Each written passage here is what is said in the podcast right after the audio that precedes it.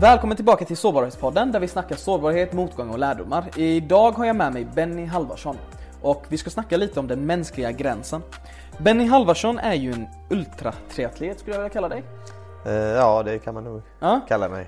En eh, människa som går bortom den mänskliga gränsen och verkligen utmanar sig själv. Och vi ska snacka lite om sårbarheten i det. Du har ju nyligen gjort eh, en av dina största utmaningar i livet. Ja, Och det är ju Mexikoloppet som du körde nyligen. ja precis. Kan du berätta lite om vad det handlar om? Eh, ja, det är ju en, eh, ett eh, ultratriathlon som är upplagt som eh, 10 stycken Ironman-distanser. Fast man kör allt i ett svep. Vänta lite. 10 stycken Ironman-distanser. Ja. Men vad fick dig att anmäla dig till... Varför inte bara börja med en Ironman? ja, men det har jag gjort. Okej. Det har jag gjort eh, faktiskt sju gånger har jag kört en Ironman och jag har väl kört halv Ironman och maraton och vanliga ultralopp, löpning också. Eh, men alltså det, det handlar hela tiden om att jag vill flytta fram mina gränser. Jag vill se, jag vill se lite grann hur, hur mycket jag kan eh, prestera och eh, om det finns en gräns på vad man kan prestera. Mm. Så det, det, är liksom, det är ju ingenting som har kommit över en natt utan det är någonting som växer fram under lång tid. Och du, du jobbar ju på ett gym som jag vet. Ja. Eh, och vi var ju faktiskt där och körde lite tester på Eller jag det. jobbar på ett gym, men eh, jag är, eller så här, jag är ju på ett gym 90% av tiden men jag är ju faktiskt egen så att jag, jag åker runt och, och jobbar hemma hos folk också. Mm, precis. Du är personlig tränare. Exakt. Ja. Och du hjälpte mig göra ett eh, test idag. Ja, Ett laktattest. Ja.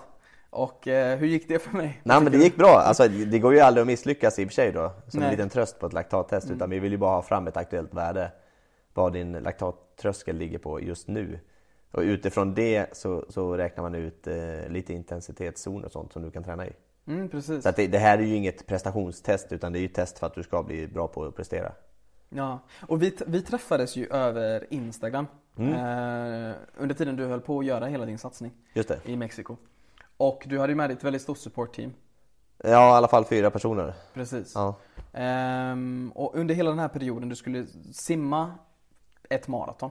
Ja, 3,8 mil. Ja. Ja. Och du skulle cykla, hur långt var det? 180 mil. Och du skulle springa. 42 mil.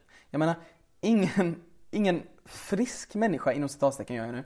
Ingen frisk människa skulle kanske anmäla sig direkt så. För, jag menar, vad, vad får dig att gå upp ur soffan och anmäla dig till ett sånt lopp? Alltså grejen var egentligen så, så anmälde jag mig först till en trippel Ironman. När jag hade tröttnat på den vanliga Ironman-distansen. Det blev, jag kände liksom någonstans att Alltså jag, det är klart man kan alltid bli bättre och bättre och snabbare. Men, men det var inte det riktigt jag sökte utan jag sökte mer den här mentala utmaningen och liksom den, den riktigt, riktigt eh, ja, men mentalt utmattande utmaningen. Och eh, då måste man upp i tid, upp i distans. Och då hittade jag en trippel Ironman för, först. Eh, anmälde mig till det. Eh, körde mig i väggen fullkomligt. Eh, fick nästan bli i buren sista två, tre timmarna för att ta mig till målet. Eh, låg i drip, dropp några timmar efter det. Och sen så hade jag eh, kanske två timmar efter jag hade legat i dropp så, så började jag liksom känna att det, jag kan göra det här igen, men jag kan göra det mycket bättre. Jag hade lärt mig väldigt mycket på de där 58 timmarna som jag körde. Eh, och sen, jag gick i mål på en söndag och på tisdagen efter, så två dagar efter jag låg i dropp var det jag bestämde mig att jag, jag, jag kör det här men jag gör det gånger 10 och inte gånger 3. Så att, eh, ja, det, det Jag kände att det, det funkar. Jag kan, jag kan köra det längre, jag kan köra det bättre och. Eh, och det kändes bra i kroppen efter du körde? Alltså bra, nej det gör det ju inte såklart men, men det är ju så här, det finns olika typer av smärta. Det finns ju positiv smärta och, och negativ smärta. Alltså att benen är svällda och, och skavsår, träningsverk, det, det är ändå liksom en ganska positiv smärta. Jag vet ju att jag har gjort det för att, eller jag har fått det av en prestation. Men går jag ut och, och ramlar på cykeln och bryter benet så är det lite mer negativ smärta. Alltså det finns ju inget positivt alls i den smärtan men träningsverk och sånt det är ändå en, en form av positiv smärta. Så att, eh, men jag tycker man ska skilja liksom på om det känns bra eller inte. Nej, det kändes absolut inte bra, men jag visste ju varför det inte kändes bra. Och jag kan acceptera det. Och jag läste ju lite att du, du söker hela tiden, du vet, din mentala gräns. Mm.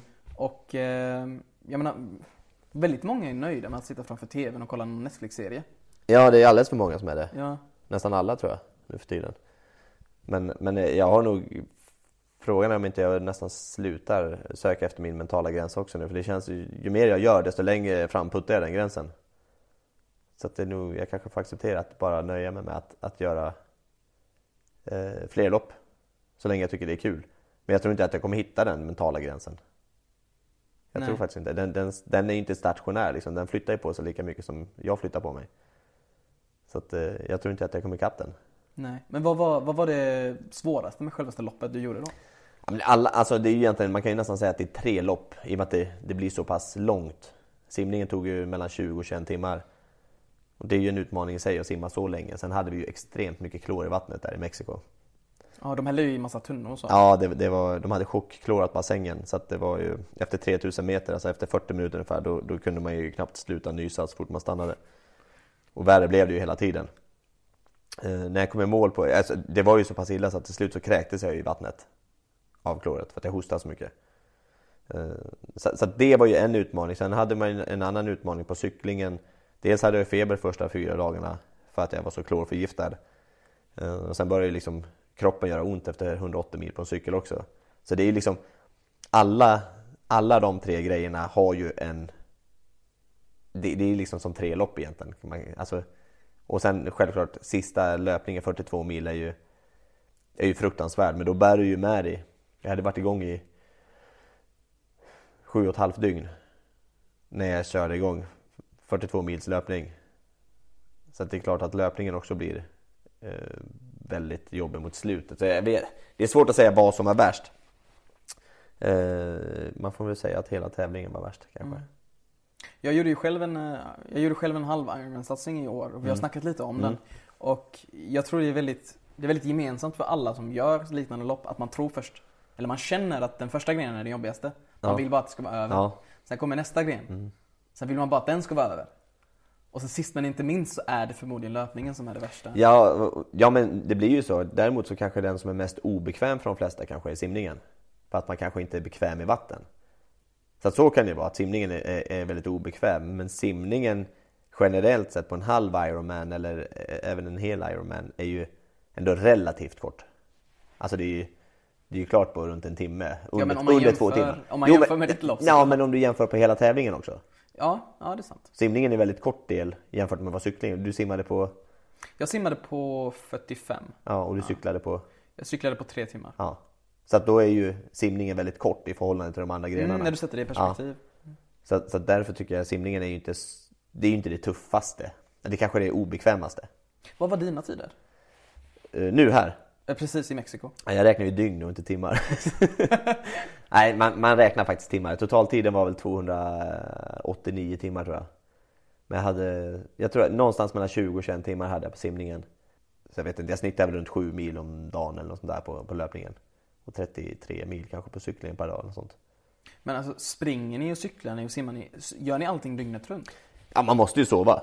Ja. Eh, Min plan var att jag skulle sova en timme på natten och tre timmar på dagen när det var som varmast. Men eh, det var ju, alltså det var ju kört redan efter simningen i och med att jag hade så hög feber och liksom var så trasig så att jag, jag behövde ha mer sömn än vad jag, vad jag hade sagt innan.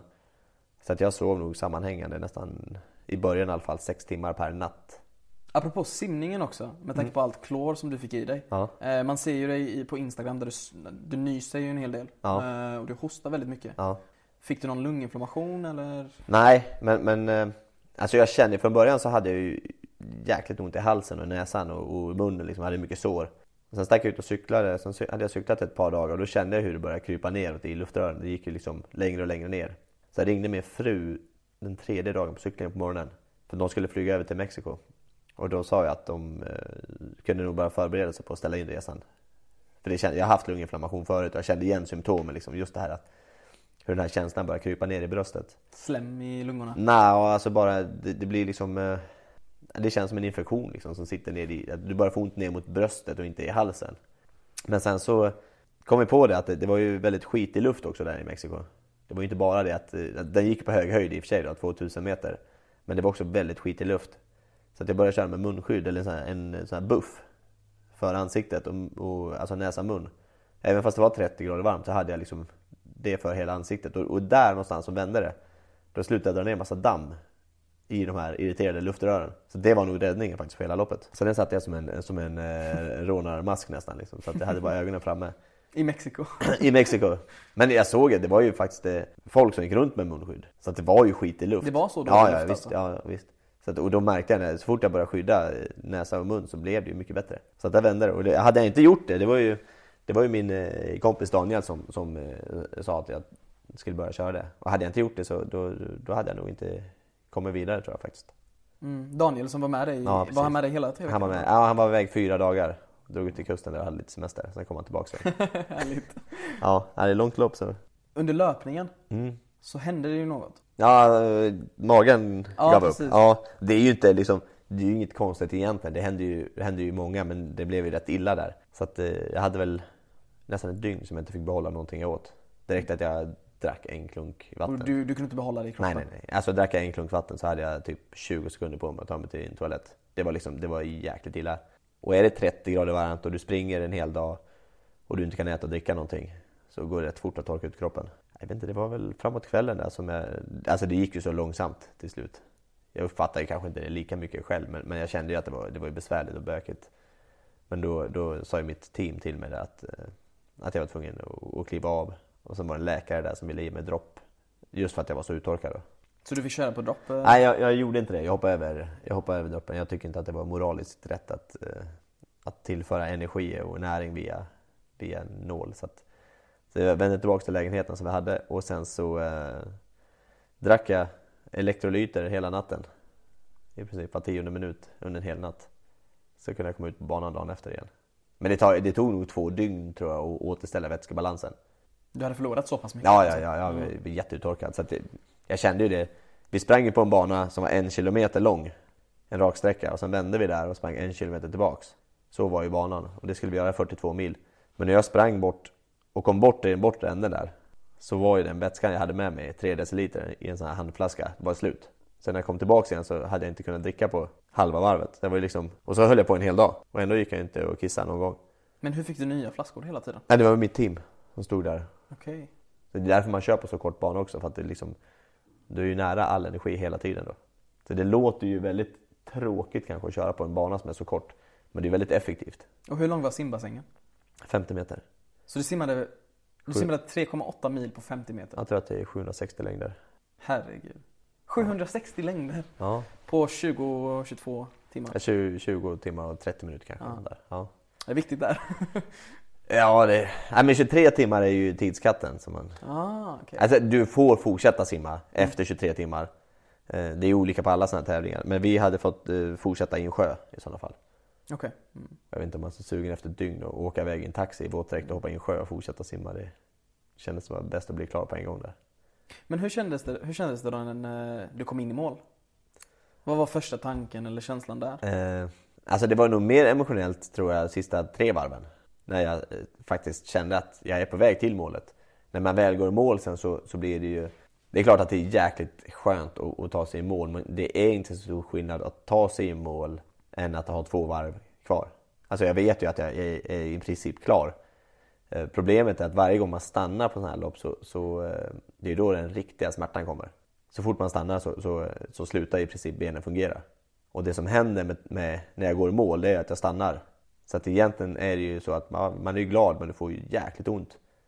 Medan du med två varv kvar är lika glad och har också ont men inte lika ont. Mm. Så det blir liksom... Jag gick ganska fort och försökte lägga mig och sova i, i tältet som jag hade. Jag sprutade väl en flaska champagne som jag fick av tävlingsledningen, sen gick jag och la mig i tältet. För jag hade en kompis som skulle gå mål också. En kille från Danmark som var 3-4 timmar efter mig och sånt där. Så då tänkte jag att innan jag åker tillbaka till lägenheten så lägger jag mig och så tar jag emot han i målet. Och så behövde jag sova, jag hade inte sovit på ett dygn eller något sånt där. Så man är ju rätt trött och sliten och jag vet inte, det, det, alltså det är roligare en vecka efter tror jag, än precis just då. Jag kommer ihåg när jag gick in i mål så Jag kramade ju alla mitt supportteam som var där och Mm. stöttade mig. Och så kommer jag ihåg att jag brast. Det var så mycket, det var så mycket känslor som hade laddats upp under det här 60-marsloppet. Att jag kunde inte hålla in det längre. Nej men det är väl förmodligen att du har laddat upp ända sedan du började träna. Ja. Alltså det är inte, alltså loppet är ju liksom det lilla. Det är ju vägen till loppet egentligen som är det stora arbetet. För lopp, loppet är ju bara sex timmar, men hur många timmar har du tränat innan loppet? Det var ju det du fick ut den dagen. Det är många som glömmer bort det där. Att, att köra ett lopp är ju, är ju jättetufft men det är ju liksom, det är träningen dit som är den stora grejen. Loppet är ju bara belöningen. Det är ju väldigt många som gör sådana här lopp du vet för att I mitt fall var det för att jag ville bevisa min gräns också. Mm. Ehm, efter att ha själv varit behandlad för cancer och gått Mm. igenom hela det helvetet Mm. så var det för mig ett sätt också att bevisa för mig själv att jag var starkare Mm. Än vad mina förutsättningar Mm. hade bestämt för Mm. mig. Men vad är det som får dig att vilja fortsätta? Under loppet eller överhuvudtaget? Överhuvudtaget? Nej men alltså jag, jag tror inte att man ska sätta sig ner och vara nöjd. För då tror jag att man, eh, man kommer liksom stagnera eller backa i utvecklingen. Så att eh, jag vill hela tiden framåt, jag vill testa nya gränser. Jag vill, jag vill lära mig saker som jag inte har kunnat tidigare. Jag körde min första Ironman när jag var 32 och innan dess kunde jag, jag kunde simma bröstsim hjälpligt liksom, men jag kunde inte kråla. Nu krålar jag nästan fyra mil. Det är ju jäkligt häftigt liksom att vara jag säger inte att jag är gammal men jag är ju snart medelålders ändå liksom och lära sig nya saker. Hur gammal är du? Jag är 37. Du ser 25 ut. Ja, det är dåligt ljus här inne kanske. ja, nej men så att det, det är liksom, det, det är ju för mig var det en riktig aha-upplevelse när jag, när jag lärde mig att, att crawla. Det var så här, fan det, det går ju fortfarande att hitta på nya saker. Många är ju väldigt nöjda när man är 25 med den kunskapen man har. Och är det någon som inte kan slå en kullerbytta när de är 40, de kommer knappast lära sig det efter de är 40. Fast att det egentligen hade tagit dem två timmars träning så hade de gjort det. Jag känner igen den känslan när jag själv tränar inför loppet. Så var ju simningen det, det mest obehagliga. Ja. Jag menar jag kunde knappast simma 25 meter crawl. Ja. Utan jag hade min kompis Yahya som jag berättade om innan. Ja. Som eh, var där och tränade mig. Och han blev så förbannad på mig att jag inte kunde simma 25 Ja, meter. nej, det kan ju inte en simmare förstå hur man inte kan göra. Exakt, exakt. Och han simmar ju SM och ska satsa på OS. Men att jag inte kunde simma 25 meter utan att stoppa upp huvudet och behöva andas. Mm. Han blev ju så arg på mig så han trodde aldrig jag skulle klara det. Nej men jag var ju likadan innan min första. Jag kom ju kanske 12-13 meter. Men jag tyckte också att vatten var obehagligt. Jag har alltid tyckt att vatten är, är obehagligt. Nu känns det väl bättre men alltså jag är ju fortfarande värsta badkrukan så det är inte så att jag hoppar i vattnet fast jag drar till Thailand. Jag går ända ut och känner vattnet i knäna så kan jag gå upp och lägga mig på solstolen igen. Så att det är liksom så här, jag har inte det naturligt i mig att vara i vatten. Men tror, är det någon som har det? Ja men det tror jag. De som simmar älskar ju det. Mm. Som, som Daniel där som, eh, som var med nu i Mexiko, han, är ju, han har ju vunnit Vansbrosimningen förut och han är ju liksom en före detta elitsimmare. Han badade varje dag när vi var i Mexiko nu. Det var liksom så här halvkyligt en morgon så här, då sprang han iväg till poolen och skulle doppa sig lite grann. Så att, nej, men de, många tror jag har det liksom riktigt naturligt i sig men jag, jag eh, kommer aldrig liksom bli att jag, jag har svårt att, att bada utan våtdräkt. Hur kallt var det i simbassängen? Nej det var inte kallt. Det var inte kallt. Nej, nej, nej, det måste vara 26 grader kanske 27. Det, var, nej, det, det blir ju riktigt varmt med våtdräkt. Ja. Men när du har simmat i 12, 14, 16 timmar. Alltså har du varit blöt så pass länge så blir du kall i alla fall. Ja, precis. Alltså för, för vatten stjäl ju ändå värme av kroppen liksom, så att till slut så blir det ju kallt ändå. Det är svårt. Jag, jag vet att vissa simmar, inte nu men det finns de som har simmat där utan våtdräkt. Men eh, jag hade inte gjort det. det. Jag tror att det hade blivit riktigt kallt sista timmarna. Men vad är det värsta du gjort då? Är det den här Mexikotävlingen? Alltså, ja, alltså som en mental utmaning så här, men jag är ju före detta brottare i grunden och alltså det är ju, det är ju tufft. Alltså brottningen är ju, den är ju den är mycket tuffare skulle jag säga på många sätt än vad, vad att köra en deckatriathlon. Alltså det här är ju idioti på många sätt tycker ju många. Medan de tycker att, att brottningen är en, en klassisk sport liksom som, eh, som alla kan köra. Men eh, skillnaden är alltså, jag, jag, jag vet att går man upp på en brottarmatta så står det en kille på andra sidan som i princip vill döda dig. Det är liksom svårt att dra sig ur där också i brottning. Ja. Vill jag så kan jag bara kliva av på en sån här tävling. Jag, jag kan också bli lite så här halv konfunderad som gammal kampsportare liksom så här, när man tittar på jag kan kolla på friidrott eller simning eller vilken sport som helst där man har en egen bana eller där man är individuell. Det kan till och med vara typ spjut eller vad som helst. Så kommer upp en junior. Och så tycker alla så här, gud vad respektlöst de är som går ut så hårt. Men alltså de springer på en egen bana, man ska springa så fort man kan. Alltså respektlöst är det ifall det kommer in en hockeyspelare junior som går in och, och, och drar på den största spelaren en smäll på käften. Alltså, ja, men förstår du? Ja. Där det kan bli konsekvenser utav det. Det kan du ju aldrig bli om du springer på en egen bana. Är du med på, på mitt sätt? Jag tycker inte att det är en, en att, det, att det liksom är, är ett, ett sätt att vara tuff och gå ut och springa på en egen bana så fort man kan. Nej. Men när jag brottades och jag kanske var 16-17 år och skulle möta en som var 30 etablerad och gå in där och ta tag och slita dem i nacken så hårt man kan. Ja men det är värre. Okej men Benny, när du gör alla dessa lopp och du tränar så många månader för att göra en ultradistans. Vem, vem är det du gör det för? Ja men det är ju 100% mitt eget ego som vill göra loppen. Men man måste ha support och stöttning av familjen. Mm. Alltså min fru vet ju, vet ju verkligen vem jag är och, och vad jag brinner för. Och får man den supporten så är det ju väldigt lätt att, att kunna göra det också. Men, men det går inte att göra ett sånt här lopp för någon annans skull. Det går inte att motivera sig när, när varenda cell i kroppen skriker att man ska lägga av. Liksom. Då, då är det ganska svårt att göra det för att man ska få 50 likes till på Instagram. Det, det, det motiverar en inte tillräckligt mycket i det läget. Utan man måste ha en inre, ett inre driv, någon, någon inre vilja att, att vilja testa. Och sen är det inte alltid så sköna bilder du brukar lägga upp på din Insta. Jag menar det är inte alltid lyckade bilder. Nej, eller kanske om jag själv lägger ut så tror jag nog att det, det kanske blir bättre, eller ett, ett mer glamoröst flöde av mina egna bilder än av än de verkliga bilderna som, som eh, mitt team lägger ut när man tävlar. Men det är klart att, att jag, jag försöker ju liksom inte ha någon fasad på det sättet. Alltså jag Mm. försöker liksom inte måla upp en, en, eh, att det ska vara en glamorös värld. Men jag försöker inte heller måla upp att det skulle vara en världens hemskaste grejer heller. För det, det är det ju inte. Utan jag försöker ju spegla verkligheten. Det finns ju så enormt många som... Jag, jag tycker det är så otroligt mycket folk som försöker utmåla en, en vanlig Ironman till exempel som, som det absolut värsta man kan göra. Men eh, jag, tyck, jag tycker inte det att det är, det är ingen rättvis bild av den tävlingen. Utan Ironman är en tävling likt Vätternrundan eller Vasaloppet eller vad som helst. Varken värre eller, eller mindre jobbigt. Men, men folk, är ju, folk är ju väldigt snabba på att, att måla upp det bästa eller det värsta på Instagram. Är du med på, på vad jag menar? Mm. Jag försöker bara spegla en verklighet. Och då är det mycket som är bra och mycket som är dåligt. Och speciellt på sociala medier så är det väldigt mycket att man målar upp den finaste bilden. Ja. Det är som du säger också, de här loppen är inte så glamorösa. Du kanske inte känner dig lyckad nej, alltså, hela det tiden. här är ju, alltså att köra de här loppen, typ det som är i Mexiko, det är det mest oglamorösa kanske man kan göra. Först simmar vi i en, i en helt klordränkt pool så att alla blir helt förstörda. Sen kör vi ytterligare i tio dagar utan i princip en enda person i publiken. Det var liksom ett gäng ekorrar och lite getter som tittade på. Prisutdelningen var i, en, i princip en lerhög. Alltså så att det finns ju ingen glamour överhuvudtaget.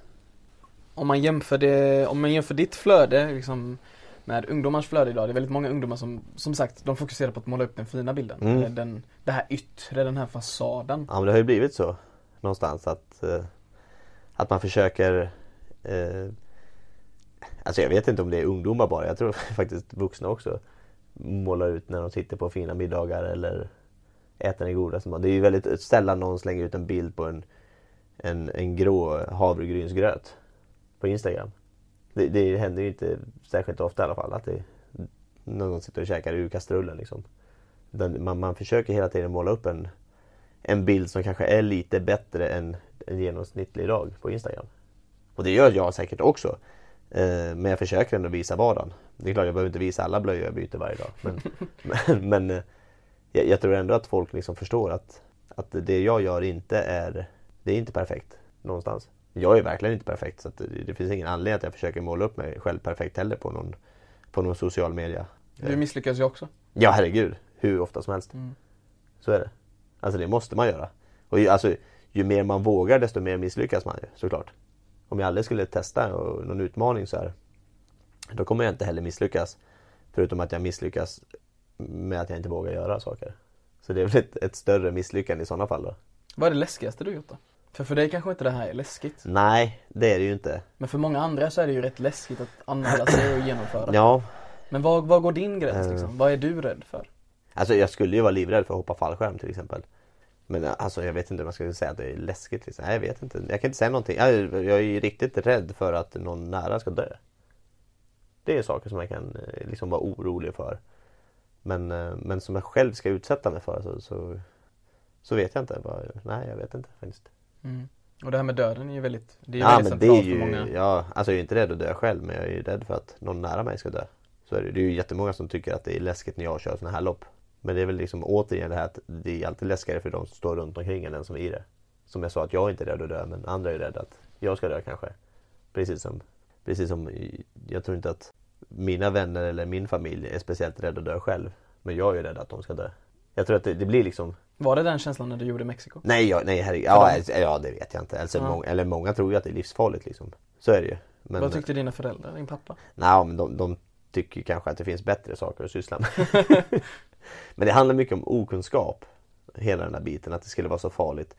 Det är klart att själva loppet i sig kanske inte är, är det bästa och mest hälsosamma. Men som jag nämnde till dig tidigare så, så vägen till loppet behöver inte vara speciellt farligt. Precis. Och sen om man utsätter för någonting som kanske, jag säger inte att det är farligt men det kanske inte är jättehälsosamt i två veckors tid. Så kan man jämföra det med att folk sitter och käkar på McDonalds 365 dagar om året. Då kan man ju börja prata om vad som är farligt. Jag, jag tror inte att eh, loppet i sig är speciellt farligt. Det var lite det vi snackade om, självaste typ inaktivitet kontra aktivitet. precis. Att det har blivit så normaliserat. Ja nej, men det, det är ju helt galet. Alltså, jag kör ju lite föreläsningar och sånt där och och jag lyfter en, en studie i en föreläsning som jag har just om, ja framförallt så handlar det väl om ultratriathlon och, och motivation. Men just det här om inaktivitet kontra aktivitet. Och eh, man gjorde en studie på 80-talet på, på ett, skolungdomar i England. På skolklasser, det var 30 personer. Så har man tagit de resultaten idag och gjort tester, eller de resultaten då från 80-talet och så jämför man de resultaten så får barnen göra samma tester idag. Och nu visar det att de barnen som var sämst på testerna i sin klass på 80-talet skulle vara topp 5 i dagens klass. Det är ganska hemskt. De hade bland annat ett test som, som innebar att man skulle springa 20 meter fram och tillbaks. Det är väl någon form av beep-test just det. På 80-talet så hade eleverna i snitt 60 stycken sådana sträckor som de sprang. Idag springer de 33. Och så har man ett test, man kör en engelsk mile. Det är väl 1,6 kilometer tror jag. Snittet idag är två minuter sämre än vad det var på 80-talet. Alltså så att, att, att aktivitet, långvarig aktivitet kan vara skadligt, säkert. Men det är inget, inget problem för samhället. Utan det, inaktiviteten är ju liksom förödande. Man har ju gjort den här aktiviteten som många sysslar med Mm. till att det ska vara onormalt kontra Ja, ja. Inaktivitet ja, som är normalt, Ja, ja, visst. Men det har ju blivit så. Det är ju, det är mer normalt att äta pizza idag än att äta, än att äta bra mat. mm. Men normalt innebär inte att det är rätt. Men va- varför tror du, för det är väldigt intressant, även exempelvis svenska lärare eller engelska Mm. lärare, de förenklar det för sina elever Mm. genom att Ja, du behöver inte hålla presentation Nej. för hela klassen. Nej. Du kan hålla det bara för mig. Ja. Utan man gör det så mycket lättare Mm. för dagens ungdomar. Och, och grejen är så här, det kan man väl göra. Jag önskar väl att det hade funnits en annan strategi också när jag gick i skolan istället för att man ska sitta och läsa på knackig engelska högt för hela klassen som sitter och fnissar. Att man kanske skulle börja i mindre grupper och läsa för en och sen två. Att det finns en strategi bakom det, det är som träning. Alltså, jag kan säga så här, de flesta i en skolklass, jag vet inte om många håller en presentation för 30 personer sen i livet. Det är inte många i den klassen som kommer göra det. Men alla ska göra det där. Det är ungefär som att säga till någon så här, "Men börja med att springa ett maraton. Man kan ju börja i mindre skala och sen trappa upp det. Och det är ju en väldigt, väldigt känslig ålder så här, när man är ja, mellanstadiet, högstadiet. Eh, jag tycker absolut innan man går ut skolan så ska man klara att göra det men jag tror att man ska ta en, kanske en snällare väg dit. Man ska inte nöja sig med att man sitter och pratar med bara läraren. Men man kanske behöver börja där. För att sen prata med, inför tre personer. Och sen fem, sju, tio, femton. När du har kommit över 15 då kan du snacka för 150, det är ju ingen skillnad. Precis att man hela tiden övar upp den, Ja, men alltså man måste- gränsen. Ja men man måste ju ha någon form av, av progression. Det gäller liksom allt liksom. Ska man lära sig någonting eller bli bättre på någonting, man kan ju inte starta med det största. Som jag sa, de flesta i en klass kommer ju inte ha en presentation för mer än 30 personer någon gång i sitt liv. Men jag tror många nöjer sig där dock. Många nöjer sig vid att bara hålla en presentation för sin lärare. Och oftast är det också läraren som bara nöjer sig med det. Jo, men, men då är det ju fel i läroplanen. Eller fel på, på lärarens. För det är ju liksom, läraren är ju coachen i det här sammanhanget. Jag jobbar ju som coach till mina. Jag skulle aldrig säga till någon. Så börja med att springa ett maraton, sen ska vi träna lite. För startar jag med, med det, det längsta eller det värsta den personen kommer göra i sitt liv. Om det är liksom starten, då har jag ju skrämt bort den personen. Och det är det jag tror man gör i skolan till exempel om man säger så här. Att man ska ha en redovisning för klassen. Och folk går och mår så jäkla dåligt för det. det är ingen chans att de kommer fortsätta med det.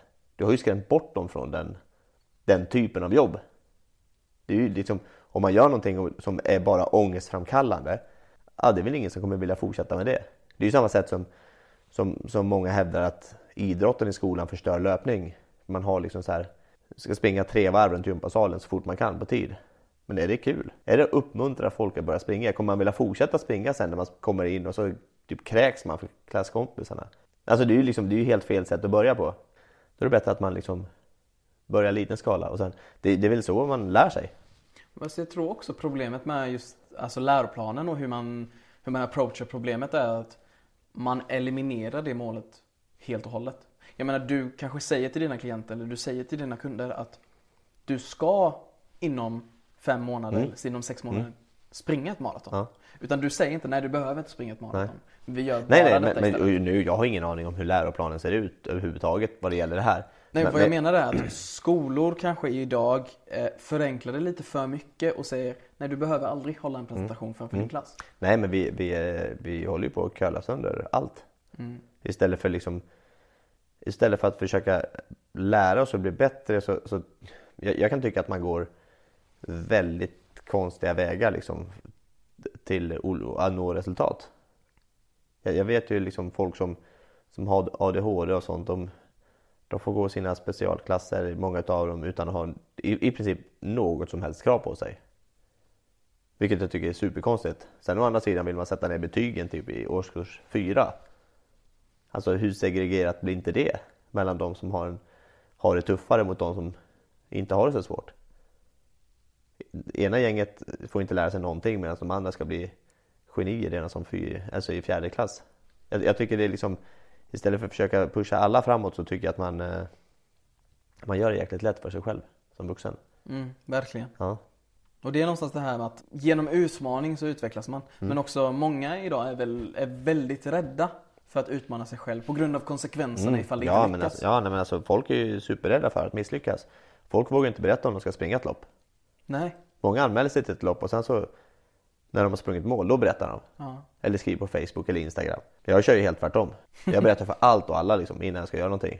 Och sen får jag se om jag klarar det. För då manifesteras det ja, också? Ja, dels det, men alltså samtidigt så jag, jag gillar ju jag har ju kommit till en punkt där jag gillar att leva under press och jag, som sagt jag är helt prestigelös. Om inte jag misslyckas så blir jag ju såklart besviken. Men, men jag skiter helt i vad andra tycker. Skäms du? Om jag misslyckas? Ja. Inte om jag skulle... Jag, jag, skulle nog kunna skämmas om jag bröt för att jag var trött. Det, det skulle jag nog liksom... Eh, men det skulle aldrig hända heller. För då hade du inte misslyckats, då, då hade du gett upp? Då har jag gett upp. Men jag menar om jag springer och får ont i ett knä eller om jag kör omkull på cykeln eller att jag blir sjuk eller någonting sånt och får bryta. Ja, men det är ju som det är liksom. Och jag är inte rädd för att det ska bli så. Jag, jag, jag bryr mig inte dugg liksom om jag skulle behöva bryta ett lopp men jag skulle tycka att det var väldigt illa om jag bröt ett lopp för att jag var trött.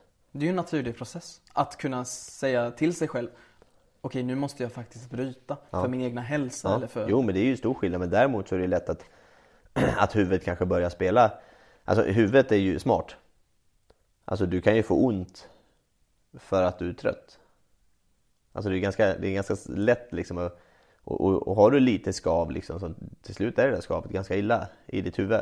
Och du kommer liksom ta över mer och mer fokus hela tiden.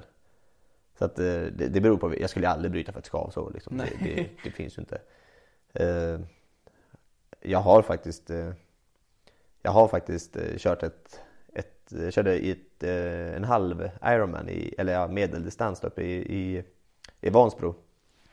Jag bröt faktiskt ett maraton 2013 för att jag startade när jag var sjuk.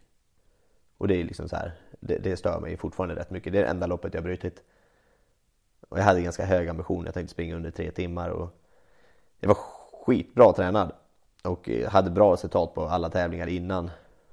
Men sen så vaknade jag på onsdagen, var sjuk. Eh, dum som jag är så startade jag i alla fall, sen klev jag av efter 21 kilometer. Eh, och efter det så sa jag så här, jag ska aldrig mer bryta ett lopp. Jag ska aldrig, aldrig, aldrig bryta ett lopp. I sådana fall ska jag inte starta loppet. Alltså att jag lärde mig den läxan. Sen sprang jag en, eh, eller körde en halv Ironman uppe i Vansbro. Och sen så det var 7-8 kilometer kvar på löpningen så snubblade jag.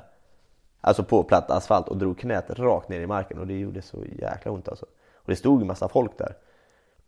och, ja men där är ju så här, du vet ju om man ramlar Så bara, gjorde det ont? Bara, ah, nej, det gjorde inte ont. Men jag kunde typ inte resa mig upp. Och så, så jag haltade iväg så här bakom några hus där innan jag liksom Jag ville inte kolla på knät hur det såg ut för jag trodde att det var stort öppet sår, liksom att det bara sprutade ut blod. Och det gjorde så jäkla ont. Så jag fick gå i början, sen kunde jag börja linka lite igen. Men sen körde jag klart hela loppet. Så jag sprang klart de där 7-8 kilometerna. Så kollade jag ner på knät så syntes det ingenting. Alltså det var ju så här besvikelse nästan. Jag trodde alla såg hur hård jag var när jag sprang med mitt blodiga ben. Sen åkte jag hem och sen svällde knät upp så det var, det var ju helt sjukt hur uppsvällt det var. Jag fick ju vätska i, i knät. Men jag hade inte speciellt, jag hade, jo jag hade svinont första fyra veckorna, alltså av beröring. Men inte liksom att röra på knät. Så att, det var mest eh, köttet och nej, nej, det, liksom. nej, det var, nej det, var, det var helt, skinnet var helt utan Ja. knät svällde upp. Det var liksom som en, satt en pingisboll framme på knät ungefär. och sen så eh, Och det här var ju i slutet på juni, början på juli. Sen åkte jag ner till Kalmar. Svullnaden gick ju aldrig ner heller. Det var ju det, den, den satt ju kvar. Sen när jag skulle köra Ironman sen i, i Kalmar i mitten på augusti, slutet på augusti där, så knät var ju ännu mer svullet då. Men eh, så körde jag det. Och sen åkte jag in och kollade och då hade jag ju en fraktur i knäskålen. Eller den var ju läkt nu. Men Men- spr- sprang du hela loppet, Kalmar? Med Ja. frakturen? Ja men då var det läkt. Aha. Men jag fick ju den när jag ramlade i Vansbro och sprang, sprang klart. Mm. Det var ju därför det gjorde så jävla ont där. Och det visste du inte under hela loppet? Nej, Nej så, men först jag trodde att det var rätt illa. Men jag tänkte jag, ska, jag hade ju sagt till mig själv att jag aldrig ska bryta ett lopp. Så det var liksom det som, men, och det är ju bara dumt liksom. Men det har du ändå gjort. Hur känns det idag att veta att du har faktiskt brutit? Ja men det var efter det som jag sa det. Ja. Eh, nej men jag stör mig fortfarande idag på att jag bröt loppet. Alltså eller så här, jag stör mig på att jag startade loppet. För du startade något du inte kunde slutföra? Ja men jag startade när jag var sjuk. Ja. Alltså hade jag bara struntat i det så hade jag ju liksom aldrig haft ett brutet lopp. Och varje gång man bryter ett lopp så är det lättare att bryta nästa gång. Varje gång du hoppar över träningspass för att, du, eh, för att det är lite jobbigt så, så är det lättare att, kliva av nästa gång. Det gäller allt. Det gäller precis allt i livet. Varje gång du väljer att, att ge efter för typ lathet eller omotivation så blir det lättare att göra det igen. Och till slut är ju det en vana liksom. Men har det någonting att göra med att man måste svälta sin stolthet lite? Att, att jag inte vill bryta? Eller? Ja, att du inte vill bryta eller att du hellre inte vill starta? Nej, nej. Nej, nej men alltså jag, jag ser ingen... Alltså om jag, om jag startar ett lopp så vet ju jag att jag kommer bli trött. Mm. Alltså det, det är det enda jag vet om loppet. Det är att jag kommer bli trött. Om jag bryter för den känslan som är, jag, som är det enda jag vet kommer uppstå. Då ska jag ju inte starta loppet överhuvudtaget. Är du med på vad jag menar? Alltså alla som startar ett 10 km lopp vet att de kommer bli trötta. Och har du inte ambitionen att vinna då, då kan du inte heller kliva av för att du blir trött. För det, det visste du när du startade loppet. Däremot om du blir skadad eller sjuk, ja men Det är en det är en helt annan sak. Men, men eh, om, om du bryter för att du är trött, då har du ingenting att göra. Då får du jobba upp det mentala först. Jo, precis. Kanske låter hårt, men, men, Det är ju tough love. ja, men, men det är ju, det är ju det är uppenbart. Alla vet, alltså jag hoppas att alla som startar ett maraton eller ett lopp vet att de blir trötta under loppet. Du sa det till mig att när man När du springer de där fem kilometerna eller milen eller halvmaran Mm. Att man ska tänka till där, vad är det som vill ge upp? Ja men det är ju nästan alltid huvudet som ger upp. Exakt. Även för världseliten. Alltså när det är två stycken som springer sista varvet på, på ett maraton, och de kommer in på upploppet där, och en måste släppa, så är det ju nästan alltid huvudet som inte pallar hänga med. Så att, eh, jag menar om det är så på den nivån, då kan du ju tänka hur det är på, på motionsnivå. För det är ju lite mer pannben på de killarna, som, som, eller tjejerna som springer ett maraton på drygt två timmar. Än, än eh, oss motionärer som springer på milen på 60 minuter. Så att, eh, nej, men, men det måste man liksom, man måste ändå man måste ändå lära sig att bita ihop vad det gäller, vad det gäller eh, en viss typ av smärta. För att det är utvecklande. Och det är också att ha den här acceptansen att man om man måste bryta på grund Mm. av hälsoskäl eller skador eller liknande så måste man kunna svälja sin stolthet. Ja, nej, men det finns ju, alltså, jag, jag kan inte, alltså om, om jag skulle bryta nu i Mexiko, det var ju ändå ganska stor hype att jag skulle köra det här loppet. Jag Men varför bröt du inte? Nej, jag behövde inte. Tänkte du på dina barn? Ja, alltså det är hela tiden, men, men jag kände ju aldrig att jag liksom, att jag skulle behöva bryta loppet. Även när du hostade så mycket? Och Ja, men jag tänkte så här, behövde bara, dropp och Nej, men, det jag, ja, jag behövde ju inte dropp, jag tog ju inte det. Det gick om i mål ändå. Nej men, alltså jag visste ju så här att de här loppen är ju, de är så långa så att man kan ju liksom lägga sig och vila 10 timmar. Alltså du kan inte göra det hela tiden, men en gång. cutoff time? 14 dygn. 14. Ja. Så jag hade ju två dygn till godo där på slutet ändå. Eh, Men eh, Nej men alltså, i- alltså, och så är det väl också när man kör ultralopp. Om jag säger så här, om man springer ett maraton så vet man att man blir trött. Ja, så är det. Men om du kör ett sånt här ultralopp, det enda du vet det är att det inte kommer gå som du har tänkt dig. Att det kommer uppstå problem hela tiden. Alltså ett sånt här lopp kantas av problem hela tiden. Och det, det är liksom eh, en tävling nästan i, i eh, problemlösning. Och så är det ju med livet också. Och, ja, men det är ju, speglar ju livet. Fast i, i, alltså om det här är ultralopp och det är ultralångsamt i, i idrott så är det ju hela livet i, i ultrafart istället. Alltså, du får ju hela livet, all, du får ju alla känslor som du har under livet nästan under de här dygnen som du kör så här. Du kan ju vara hur glad som helst för att en timme senare bara totalt nere på botten. Så Det är det är så väldigt sårbart. otroligt. Man är, man är jäkligt eh, Man är jäkligt ful. Det är man ju garanterat alltså. Nej, men man, man är ju väldigt liksom eh, eh, blottad. Ja. Så är det. Så det Men kan... man, är, man kan inte ha en fasad i den situationen. Nej det går inte. Nej. Nej det går inte. Det ser man ju på andra deltagare också. De är ju... De är helt förstörda. Ibland. Ibland är allt på topp också. Det, kan, det kan ju vara en, en person som är fullkomligt nedbruten för att två timmar senare bara komma och, och joddla när de springer. Så det, liksom, det händer otroligt mycket. Men det är ju huvudet. Det är vad huvudet säger hela tiden. Precis. Och jag tror du, du tar ju ändå med dig väldigt mycket av dina erfarenheter från dessa lopp Mm. in i ditt egna liv. Du inspirerar ju många andra nu. Ja det har blivit så. Det var ju inte tanken från början att det skulle, skulle vara så. Men det har blivit så. Och det är Mm. För- jättekul. Ja. Du gör ju detta för dig själv men också att du ser nu att du kan göra det också för många andra. Mm. Ja. Ja, men, ja, Hur men känns så, det? Nej men det är, ju, det är ju superhäftigt. Men samtidigt så måste man ju liksom Man måste vara beredd på att, att det är ingenting i slutändan som kommer dra mig i mål på mitt nästa lopp. Utan har jag inte, alltså jag kan inte anmäla mig till ett lopp och tycka att det är häftigt att andra tycker att det är häftigt. För då kommer jag inte klara det. Utan jag måste själv vilja göra det fortfarande. Och sen är det liksom bara en bonus att andra tycker om det jag gör och att, alltså alla tycker i och för sig inte om det jag gör. Men, men att de också blir inspirerade. Precis, för du lägger ju inte upp bilderna på Instagram för att folk ska se hur häftigt det är eller hur häftig du är på samma Nej, sätt. och jag kan säga så här, mitt Instagramflöde är från Mexiko de 12 dagarna. Jag scannar väl av det kanske två gånger själv under loppet. Jag vet inte hur många bilder och stories som lades ut där, utan det, det var ju efter jag gick i mål. Mm. Det var ju då jag såg hur mitt Instagramflöde såg ut. Jag hade inte ens sett vilka bilder som lades ut där. Precis.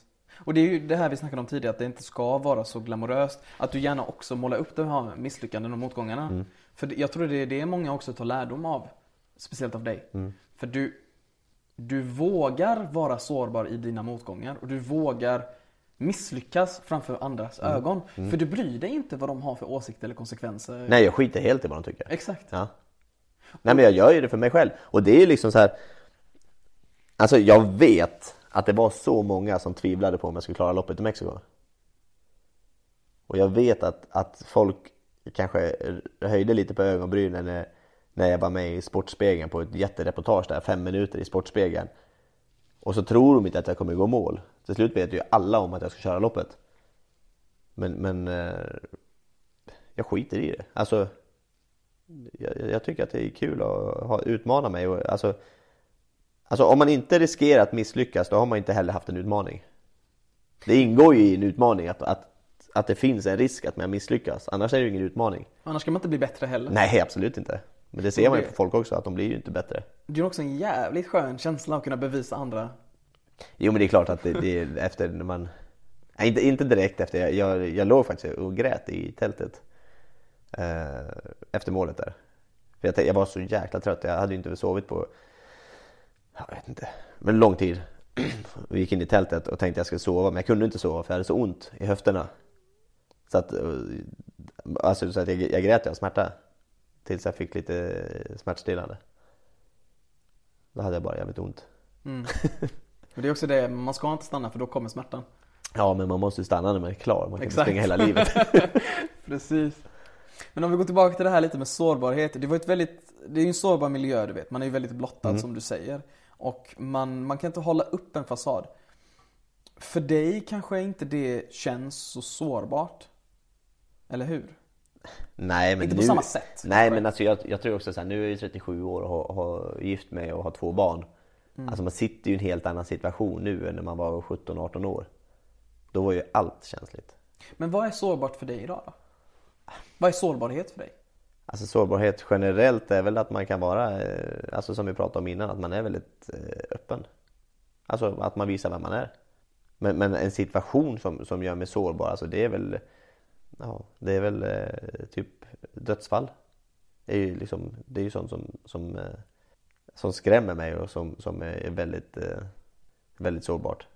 Jag vet inte, skulle min fru lämna mig så skulle jag nog också bli ganska sårad. Inte ganska, jag skulle bli jävligt sårad. Ja, så det. att, så att eh, Har du varit med om ett dödsfall i ditt liv? Oh ja. Eh, men alltså, alltså det har jag varit.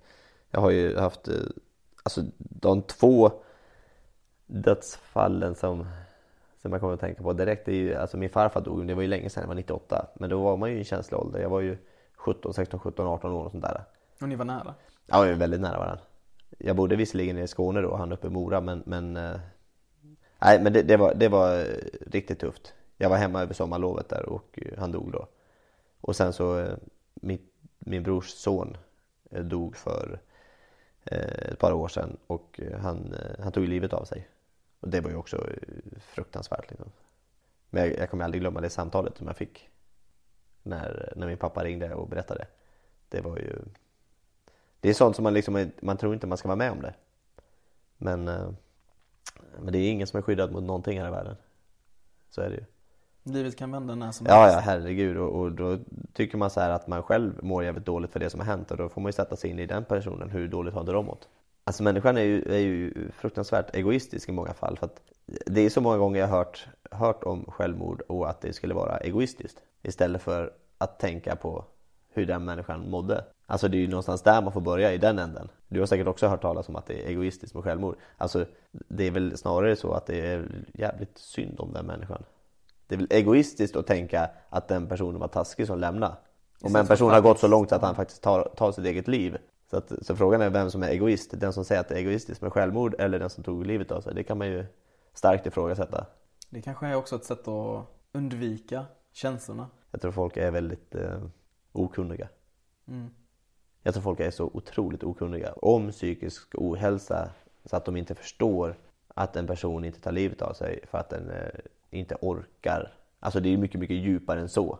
Det handlar inte om att man har en dålig dag liksom. Att, alltså, utan det är, det är mycket, mycket mer än så som ligger bakom de där handlingarna. Men jag tror folk överhuvudtaget, folk som inte har stött på problem kommer aldrig kunna förstå. Folk som aldrig utmanar sig själv, som får allt serverat på fat, kommer nog inte heller kunna förstå tror jag. Jag, jag tror liksom att det, är det finns en alldeles för stor okunskaphet kring eh, psykisk ohälsa. Vad tror du krävs för att kunna öka kunskapen? Nej men att man pratar mer om det. Alltså det, nu är det nästan tabubelagt. Har man någon i, i sin närhet som tar livet av sig så Första gången som, som det verkligen, vad jag vet i Sverige, lyftes det var ju när brottaren Mikael Ljungberg tog livet av sig. Och hans familj började prata om det i media. Det är liksom första gången som jag vet att det var officiellt liksom att någon snackade om det. Och sen har det ju rullat på. Det har ju blivit mer. Det har väl funnits lite galor och sånt där också nu. Men jag menar det, det är fortfarande den vanligaste dödsorsaken för unga killar. Och ändå så, så, eh, så snackar man inte mer om det. Nej, 70% av alla självmord eh, begås ju av män. Ja. Och jag, det, jag, jag tror det är ju på grund av den här, den här självbilden män har kring förväntningarna som sätts på dem. Eh, Att Ja, alltså de det- inte ska våga visa känslor, de ska inte söka hjälp, de ska inte berätta. Nej. Utan det är den här bilden av att man alltid ska vara stark. Mm. Jo men det, alltså det, det snackas ju otroligt mycket om att ideal som, som tjejer ska leva upp till hela tiden och att det är tufft för dem. Men det finns ju starka ideal som killar ska leva upp till. Men jag tycker någonstans det, det faller, faller mellan stolarna lite grann och jag tror, att, eh, jag tror att vi behöver lyfta den frågan för, för att hjälpa, inte bara killar, men för att hjälpa alla liksom. Vi kan inte rikta in oss på, på en specifik grupp utan vi måste liksom vi måste rikta in oss till alla. Alltså det, det är lika tufft att vara ung kille som att vara tuff, ung tjej. Det är ett samhällsproblem vi har. Ja men herregud, jag vet ju när jag var 16-17 år hade jag ju superkomplex för att jag tyckte jag var smal när jag brottades så här. Folk, alltså det fanns väl ingen som skulle gå och säga till någon att personen var tjock. Alla här så säger till en tjej liksom att du är överviktig, det, det går ju inte att säga. Men till mig som smal kille, det var ju hur accepterat som helst att alla kunde säga det. Och slänga ut sig lite spydiga kommentarer dessutom liksom. Vad brukar de säga? Nej men, nej men, eh, vad brukar man säga? Men det är liksom så här, många, många är liksom Jag var ju inte mobbad, alltså jag Mm. var säkert inte så Alltså jo, jag var väldigt smal men jag menar jag var ju ändå rätt tränad liksom. Men, men det behövs, alltså du vet ju själv eller folk som har komplex de vet att man behöver i princip knappt säga någonting. Mm, nej, men jag Det räcker ju att man säger att du är smal Mm. till någon som inte vill vara smal. Så har du ju rivit upp ett sår liksom. Nej, I mitt fall var det ju mycket, det var ju mycket utfrysning och mycket mobbning för bland annat min eh, kroppsvikt och hur jag såg ut. Mm. Eh, som jag berättade för dig, jag kommer ju från Libanon och Syrien. Mm. Och eh, vi kom ju till Sverige när jag var två år. Så vi växte upp i en svensk miljö med svenska elever. Där man ser ut som det svarta fåret. Och då blir man också behandlad som det svarta fåret. Det blir kommentarer kring vilka kläder man har på sig. Det blir kommentarer kring hur man ser ut. Och det leder ju till ett, en viss trauma som man har med sig genom hela livet och hur man påverkas av det. Man ser på sig själv på ett annat sätt och man skäms för vem man är. Och sårbarhet är ju som du säger att kunna våga visa vem man är. Men också kunna hantera konflikterna som kommer upp. Och för att kunna hantera de konflikterna så måste man ha en stödjande miljö. En, en familj runt sig, eller vänner och vänskap, en gemenskap runt sig som stöttar en när man faller. Ja. Och jag tror det finns inte tillräckligt mycket sånt bland unga idag, eller i vårt samhälle. För vi är så självständiga att vi börjar bli ständigt själva. Mm. Jo men så är det ju, liksom, man lever på internet idag istället för idrottsklubbar. Och man är anonym. Ja, man träffas ju inte längre heller liksom, så jag, jag vet inte vem man har att vända sig till om det Alltså om det krisar eller att man mår dåligt liksom, så vad- jag vet inte om man ska ut och, och söka tröst på Instagram eller vad man... Det är ju många som gör det. Det är ju Ja, många som nej. Mm. lägger upp bilder och förväntar sig likes och kommentarer. Och jag kan ju förstå det själv. Jag menar, jag är 20. Mm. Jag, förstår, jag förstår också den känslan. En sen natt, jag lägger upp en bild bara för att Men- Men, lite bekräftelse. Hoppas någon Men skriver. det var ju som jag sa till dig innan där att när man söker tröst, och, tröst eller så här på, på Instagram eller om man mår dåligt och så går man ut på Instagram då sitter du och jämför ditt inre med deras yttre. Folk lägger bara upp den perfekta bilden på Instagram så sitter du själv och mår dåligt. Och så sitter du och jämför dina dåliga känslor och så ser du bara perfekta bilder på alla andra. Alltså det blir ju liksom, det är inte så här. Det är ju inte någonting jag skulle rekommendera en person som mår dåligt att gå ut och, och kolla lite grann på sociala medier så mår du bättre. Utan sociala medier det är ju nästan gjort liksom för att, för att folk ska må dåligt. För att vi, vi, är, vi är ju experter på att, att bygga fasader. Faktiskt, jag vet inte om du visste detta men enligt en studie eh, gjort på Harvard University så har de tagit fram information kring att beroende av sociala medier utlöser lika mycket dopamin som beroende av alkohol. Ja. För det blir ett Ja, ja, belöningssystem visst. som man får till sig. Ja. Och det är ju en samhällskris. Och sen när vi snackar om det här att vi inte kan fokusera på en målgrupp. Vi kan inte bara fokusera på killarna, vi kan inte bara fokusera på tjejerna. Utan vi måste skapa förståelse mellan Mm. båda grupperna. Men hur skapar vi den förståelsen när det är så fokuserat på att vi smsar varandra? Ja. Utan vi har gått så långt ifrån att ha det här personliga samtalet som jag och du har idag. Mm. Nej, men nu skickar man ju liksom Ja, Jag har inte ens Snapchat, eller jag har det men jag kollar aldrig. Men liksom, det är ju sättet som folk kommunicerar på. Och det försvinner ju direkt också. Alltså det är liksom så här. Det är omedelbara klipp på, på en perfekt situation. Och sen så, sen så ska den, alltså den andra personen ta med sig det och tro att de liksom har fått ut någonting utav det. Alltså det, det är liksom så här för mig, det, att sitta ner och snacka eller att umgås det, det är för mig liksom, det, det är ett sätt att, att få, få bekräftelse. Men jag skiter, alltså så här, ja, jag ska inte ljuga, det är klart att det är superkul när man får likes på Instagram. Men, men jag tror att, alltså om jag får 500 likes eller om jag får 1100 likes. Det, det, det skiter jag egentligen i, men jag tror att många hänger upp sig väldigt, väldigt mycket på, alltså det, det finns ju till och med folk som köper likes. Ja men det, det är ju så. Eller köper följare och, och massa sånt där. Det, det visar väl ändå på ett sätt hur, hur jävla illa det är ställt liksom, med bekräftelsebehovet. Istället för att få den bekräftelse som faktiskt betyder någonting. Och det är att ha vänner liksom, som är nära en. Det är skillnad mellan Alltså mellan folk att ha köper vänner alltså Folk köper alltså följare eller köper likes istället för att försöka skaffa sig vänner och hänga med. Det, det, ja, det är ganska... Det är skillnad ganska, mellan att ha vänner och ha kompisar. Jag menar vänner kan du kanske ha de där djupare konversationerna Mm. Med. Medan kompisar är kanske lite mer ytliga. Ja men alltså om du kollar riktiga kompisar eller riktiga vänner om man kallar det så. Det är inte många sådana man har på ett liv. Nej. Alltså så, du har ju många bekantar och många kompisar men du, du, du har ju inte många som är riktigt nära dig. Men hur bygger man de där ärliga relationerna? Hur gör du för att bygga ärliga relationer? Eh, alltså det var ju ganska länge sedan tror jag som jag fick en, en ny uh, riktigt nära relation. Jag har ju, jag, jag är, dels är jag ganska dålig på att hålla kontakt med folk överhuvudtaget för att jag har så, nej men det, det är faktiskt sant. Jag har, jag har så jäkla mycket att stå i hela tiden och, och du vet ju själv hur lätt det är att få tag på mig på telefon. Uh, man känner sig alltid, man har alltid en skuldkänsla om man ringer ja, men, typ flera gånger på ja. Min fru sa till mig igår, hon bara jag fattar inte. Alltså, du, jag, jag håller igång till halv ett på natten typ, så jag går upp klockan 16 efter. Men, men, men, nej, men alltså, så att jag bejakar ju nog framförallt de vännerna som jag har nu. Liksom. Jag, alltså, de, jag, jag är jävligt rädd om mina riktiga vänner. Mm. Så är det. Men, men och jag, jag, tycker att det är kul att ha mycket kompisar men samtidigt liksom så här, jag, jag, jag, tror inte att man kan ha så många kompisar. Alltså inte nära relationer. Så här. Man kan ha jättemycket vänner eller alltså så här, eh, kompisar men man kan inte ha många djupa relationer. Jag har inte byggt en ny djup relation på jag vet inte, det är länge. Det är jättelänge. Så att, eh, jag vet inte, jag, jag, tror inte att när man, när man, alltså så här, om du, om du kommer upp i en viss ålder och du skaffar familj. Så någonstans så tar ju resten av livet en paus.